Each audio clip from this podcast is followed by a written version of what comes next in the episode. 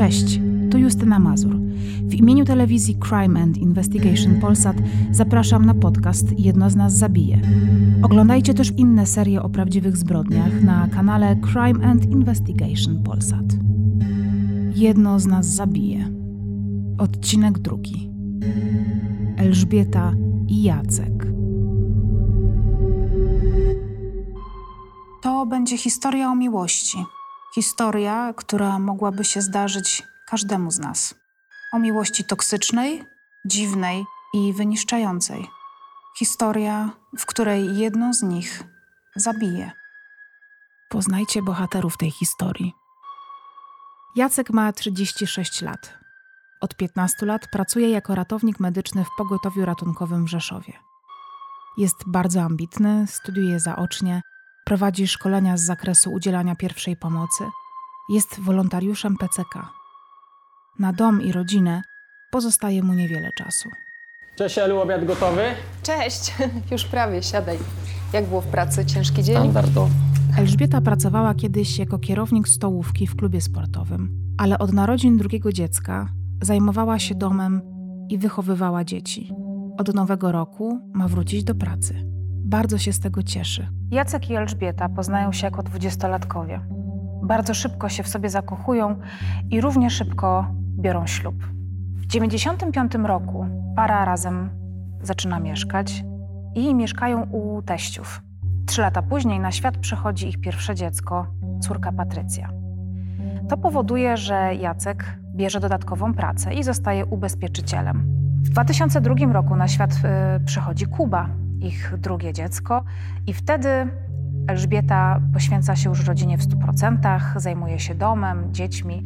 Jacek z kolei dużo czasu spędza w pracy, na pogotowiu jako ubezpieczyciel i często nie ma go w domu, nie ma czasu na rodzinę. Ale Elżbiecie to w ogóle nie przeszkadza. Jest ze swojego męża bardzo dumna. I tak ta sielanka trwa do 2008 roku, kiedy to 18 grudnia w porannych godzinach Jacek dzwoni na pogotowie, by powiadomić, że jego żona nie żyje. Rzeszów, 18 grudnia 2008 roku, godzina 5.30 rano. Po otrzymaniu zgłoszenia o śmierci kobiety, na miejsce udaje się ekipa pogotowia ratunkowego. Tomasz Mucha, rzecznik prasowy, Sąd Okręgowy w Rzeszowie. Telefon dotyczący jej śmierci wykonał y, jej mąż, ratownik medyczny. Zadzwonił do dyżurnego pogotowia, prosząc o przyjazd karetki, żeby formalnie stwierdzono zgon. Mężczyzna ma doświadczenie, umie rozpoznać stan pacjenta. Przybyła na miejsce lekarka, znajoma Jacka, może tylko potwierdzić, że mężczyzna się nie mylił. Elżbieta nie żyła. Choć żona Jacka nie ma na ciele żadnych widocznych oznak, które wskazywałyby na udział osób trzecich, to lekarka sugeruje Jackowi, że dobrze byłoby ustalić przyczynę zgonu. Ten jednak protestuje. Helena Kowalik-Ciemińska, dziennikarka śledcza, pisarka. Tłumaczy jej, że, y, że nie chciałby, żeby ona występowała z wnioskiem o sekcję zwłok. Ona ulega, wraca do samochodu, gdzie kierowcą jest również jej znajomy. Wszyscy się znają w tym pogotowiu. Y, Opowiada mu o tę sytuację. Kierowca ma wątpliwości. W drodze powrotnej, gdy dowiedziała się od kierowcy, że y, po szpitalu krążą pogłoski o romansach y, męża zmarłej, postanowiła zmienić swoją decyzję, powróciła do miejsca zamieszkania zmarłej. Została wezwana policja, później prokuratura podjęła czynności. Śmierć kobiety w tak młodym wieku musi budzić zdziwienie. Jacek jednak nie zgadza się na przeprowadzenie sekcji. Tłumaczy, że zbliżają się święta, nie chce tego robić dzieciom, dla których sama śmierć matki będzie ogromnym szokiem. Chce szybko pochować żonę i zacząć na nowo budować życie tylko z dziećmi. W tym czasie on już zdążył zawiadomić zakład pogrzebowy. Bardzo szybko chce się pozbyć tego ciała. Kiedy śledczy przyjeżdżają na miejsce, Jacek pokazuje podpisane oświadczenie o niewyrażeniu zgody na sekcję zwłok. Ma jakąś siłę perswazji, udaje mu się przekonać prokuratora, y, że jednak powinien y, odstąpić od sekcji zwłok. I tak się dzieje. O godzinie 7.30, kiedy jego dom opuścili policjanci i prokurator, Jacek powiadamia o śmierci swojej żony, jej rodziców i siostry. Po interwencji siostry i matki Elżbiety, prokurator zmienia swoją pierwszą decyzję i zleca wykonanie sekcji zwłok. Tym samym wszczyna postępowanie z artykułu 155 kodeksu karnego, który mówi o nieumyślnym spowodowaniu śmierci. Musimy pamiętać, że to wszystko dzieje się na przestrzeni dwóch dni, bo 18 grudnia Elżbieta umiera, a 19 zostaje zlecona sekcja zwłok. Jeszcze tego samego dnia matka Elżbiety i jej siostra zostają przesłuchane.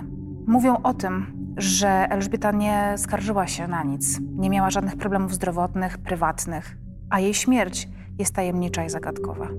Przesłuchany w tej sprawie Jacek, mąż Elżbiety, zeznał. Iż w noc poprzedzającą zdarzenie, wieczór, żona jego miała się źle czuć, miała ją boleć głowa, jednakże y, położyli się spać, on zasnął, gdy się obudził, stwierdził już zgon żony i stężenie pośmiertne. O swoim związku mówił jako udanym i pełnym miłości. Innego zdania była rodzina Elżbiety, a zwłaszcza siostra Dorota i matka, które twierdziły, że Ela świata poza nim nie widziała i nie dostrzegała, że Jacek ją zdradza. Ona była dumna z tego, że on wyjeżdżał. Na przykład liczne delegacje mówił jej, że jest y, wysyłany na kursy, żeby tam podnosił swoje zawodowe umiejętności. Wyjeżdżał, rzeczywiście na jakieś kursy wyjeżdżał, mm, ale głównie po to, żeby spotkać się z innymi kobietami. Dorota zeznawała, że wiele razy rozmawiała z siostrą o ciągłych wyjazdach Jacka, ale Elżbieta usprawiedliwiała nieobecności męża troską o zapewnienie bytu rodzinie. Ona była chyba jedyną osobą, y, jak gdyby wśród, wśród y, osób, które jego znały, która nie wiedziała, że, y, że on prowadzi takie bogate życie erotyczne na zewnątrz swojego rodzinnego gniazda. Cztery miesiące po śmierci Elżbiety prokurator umorzył śledztwo z powodu braku czynu zabronionego. Zrobił to zanim wpłynęła opinia z Instytutu Ekspertyz Sądowych, która jasno stwierdzała, że w ciele Elżbiety wykryto aż trzy substancje stosowane podczas znieczuleń. Jak się pewnie domyślacie, nie można takich leków kupić w aptece. Skąd więc wzięły się w ciele Elżbiety? Śledczy niespecjalnie śpieszyli się z odpowiedzią na to pytanie. Potrzeba było jeszcze kilku miesięcy, aby śledztwo zostało wznowione. 22 stycznia 2010 roku czyli ponad rok po śmierci Elżbiety, została sporządzona opinia biegłego, który określił przyczynę śmierci kobiety. Badanie, y, w wyniku którego wydano opinię toksykologiczną, wykazało obecność w organizmie zmarłej ketaminy. Jest to środek y, używany przy znieczuleniach, jednakże w tym konkretnym przypadku stwierdzono obecność ketaminy w ilości, która musiała doprowadzić do śmierci osoby, której ten środek podano. Rodzina Elżbiety, nie mogąc pogodzić się z jej śmiercią i podejrzewając, że zamieszany w nią jest Jacek, wciąż dostarczała prokuraturze nowych dowodów. Rodzina zmarłej na początku z pewnością nie dopuszczała do siebie myśli, że sprawcą może być mąż zmarłej, chociaż e, z całą pewnością miała świadomość ta rodzina, ci ludzie, że e, w tym małżeństwie nie wszystko się dobrze układało przyszła teściowa do prokuratora, ponieważ nie podobały jej się takie rzeczy, jak na przykład y, to, że y, córka leżała w piżamie, y, której nie lubiła, której nie chciała nigdy założyć. Więc dlaczego? Włosy miała jakoś związane, zwykle miała, rozpuszczała na noc. I ona takimi drobiazgami, takimi, takimi dostrzeżonymi kobiecym okiem, jednak tego prokuratora zmobilizowała. 31 marca 2010 roku prokuratura w Rzeszowie wznowiła śledztwo w sprawie nieumyślnego spowodowania śmierci kobiety. Tym razem już bardziej wnikliwie zaczęto przyglądać się działaniom Jacka. Był znany z tego, że zawierał znajomości z innymi kobietami, nie z jedną, ale z kilkoma, krótsze, dłuższe, w trakcie trwania małżeństwa. Przesłuchiwany już po raz kolejny zaprzeczał, że był w posiadaniu ketaminy. Więcej, twierdził, że nazwa leku wprawdzie coś mu mówi, ale kompletnie nie wie, do czego on służy. Podczas przesłuchań wyszło na jaw, że Jacek lubi kobiety. Kilka dni po śmierci Elżbiety pojawił się na szkoleniu ze swoją koleżanką Alicją, ale była też Marta. Obie kobiety podczas przesłuchania zaprzeczyły, że łączył je z Jackiem jakiś intymny związek. Jacek także zaprzeczał. Jeżeli więc zabił żonę, to jaki miał motyw? Co zyskałby na jej śmierci? Zadzwonił do dyżurnego pogotowia, prosząc o przyjazd karetki, żeby formalnie stwierdzono zgon. Udało mu się przekonać prokuratora, y, że jednak powinien y, odstąpić od sekcji zwłok i tak się dzieje.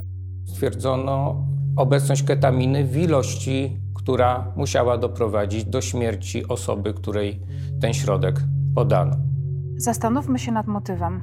Co Jacek mógł zyskać dzięki śmierci Elżbiety? Pojawiła się informacja, że na krótko przed jej śmiercią ubezpieczył ją na wysoką kwotę.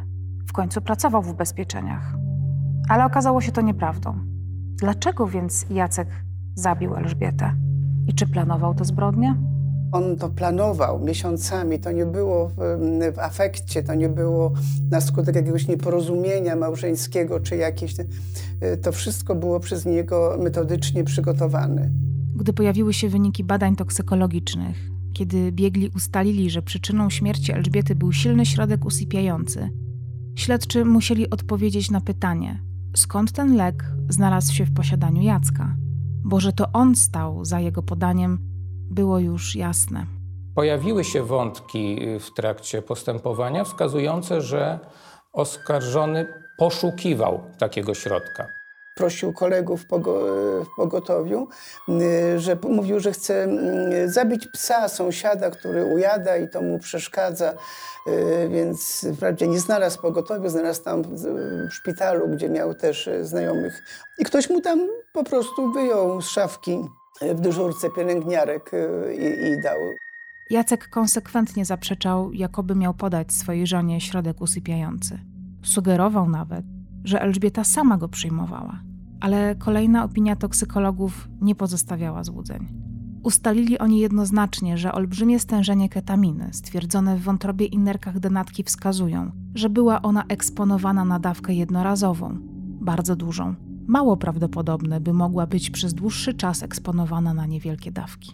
Gdy y, została wydana kolejna opinia biegłych, y, oskarżony stwierdził, że y, jednak podał żonie środek, który miał być środkiem na wzmocnienie, miał jej ulżyć w dolegliwościach bólowych głowy i przyznał przed sądem, że dokonał tragicznej omyłki. W nocy obudziła mnie żona, twierdząc, że bardzo źle się czuje i boli ją głowa i poprosiła mnie, żebym zrobił jej zastrzyk przeciwbólowy. Jacek, obudź się. Wieczorem wypiłem kilka piw, więc alkohol działał. Świeciła się tylko lampka i pomyliłem się. Zamiast leku przeciwbólowego wstrzyknąłem jej ketaminę, którą miałem do uśpienia psa. Byłem zaspany, pomyliłem się i nie zauważyłem, że biorę ten lek, który nie potrzeba i zrobiłem żonie śmiertelny zastrzyk. Jacek kłamał. I to kłamał dwa razy. Pierwszy raz wtedy, kiedy powiedział, że nie wie, co to ketamina. Jako ratownik medyczny doskonale wie, co to są leki usypiające oraz uśmierzające ból. Drugi raz kłamał, kiedy powiedział, że pomylił się przy podawaniu leku Elżbiecie, leku przeciwbólowego. Leki przeciwbólowe są w ampułkach. Żeby go podać, trzeba odłamać szklaną końcówkę. Natomiast, żeby podać lek usypiający, należy przebić igłą korek fiolki. Ktoś tak doświadczony jak Jacek nie mógł się pomylić. Podanie leku dożylnie, a tak podaje się tego typu leki usypiające, wymaga koncentracji i umiejętności. Informacja o tym, że był zaspany, z całą pewnością nie była prawdziwa. Lekarka, która przyjechała na miejsce, nie czuła również żadnego alkoholu od Jacka. W domu nie znaleziono także żadnych puszek po piwie. Kolejne ustalenia biegłych domykały łańcuch poszlak. Charakterystyczne jest to, co spotkało się zresztą z negatywną oceną środowiska e, osoby skazanej, że gdy do zgonu jego żony doszło z 17 na 18 grudnia 2008 roku, to najbliższą zabawę sylwestrową spędził ze swoją sympatią. Alicja, kochanka Jacka, często widywana była także w pogotowiu. Odwiedzała go najczęściej podczas jego nocnych dyżurów. Ratownik, ktoś, kto ratuje życie. I, jeśli ten ktoś świadomie y, morduje i to jeszcze osobę bliską, żonę, matkę swoich dzieci, y, no, y, nie sposób się tym nie przejąć i, i nie myśleć o tym nawet już potem po zakończeniu procesu. 8 września 2011 roku rozpoczął się proces sądowy. 17 lutego 2012 roku po 10 rozprawach zapadł wyrok. Ostatecznie sąd nie dał wiary tym wyjaśnieniom mm, oskarżonego i Sąd Okręgowy w Rzeszowie orzekł wobec oskarżonego karę dożywotniego więzienia, uznając go winnym popełnienia zbrodni z artykułu 148 paragraf 1 kodeksu karnego. Od tego wyroku została złożona apelacja. Obrońcy oskarżonego próbowali wykazać, że doszło do nieumyślnego spowodowania śmierci. Była to zbrodnia bardzo starannie przygotowana. Na przykład y, wykorzystał to, że żona miała y, skłonność do migren y, i y, oswajał ją zdawaniem jej zastrzyków y, ze środkami przeciwbólowymi. Wcale nie był pijany, jak potem twierdził w śledztwie. Wcale nie był pod wpływem nawet kilku puszek piwa. On po prostu jej zaaplikował bardzo silną dawkę y, tej ketaminy i, y, no i, i spowodował zatrzymanie się serca. 28 czerwca 2012 roku odbyła się rozprawa apelacyjna. Sąd apelacyjny utrzymał w mocy wyrok dożywotniego pozbawienia wolności. Sąd jednoznacznie nie wskazał, jaki był motyw działania osoby skazanego. E, Z całą pewnością planował dalsze życie bez żony. Natomiast dlaczego nie wykorzystał dopuszczalnej prawem drogi rozwodu? Na to pytanie tylko on może odpowiedzieć. Zdumiewająca jest ta jego podwójność tego jego życia, którą on ciągnął tyle lat, więc musiał żyć jakimś nieprawdopodobnym zakłamaniu po prostu. Bo przecież ten pomysł nie narodził się przed Bożym Narodzeniem. Podczas rozprawy wyszło na jaw, że Jacek tuż po śmierci Elżbiety zaczął układać sobie życie na nowo. Wynajął Alicji mieszkanie i mimo, że twierdził, że nic go z nią nie łączy, wziął dla niej pożyczkę, a na jej konto wpłacił aż 80 tysięcy złotych. Przez dwa lata śledztwa liczył na to, że zostanie ono umorzone, więc układał sobie życie od nowa. Do tej zbrodni nie musiało dojść. Przecież Jacek po prostu mógł rozwieść się z Elżbietą. Ale pewnego dnia uznał, że jej śmierć będzie najprostszym rozwiązaniem. Wysłuchaliście podcastu Jedno z nas zabije.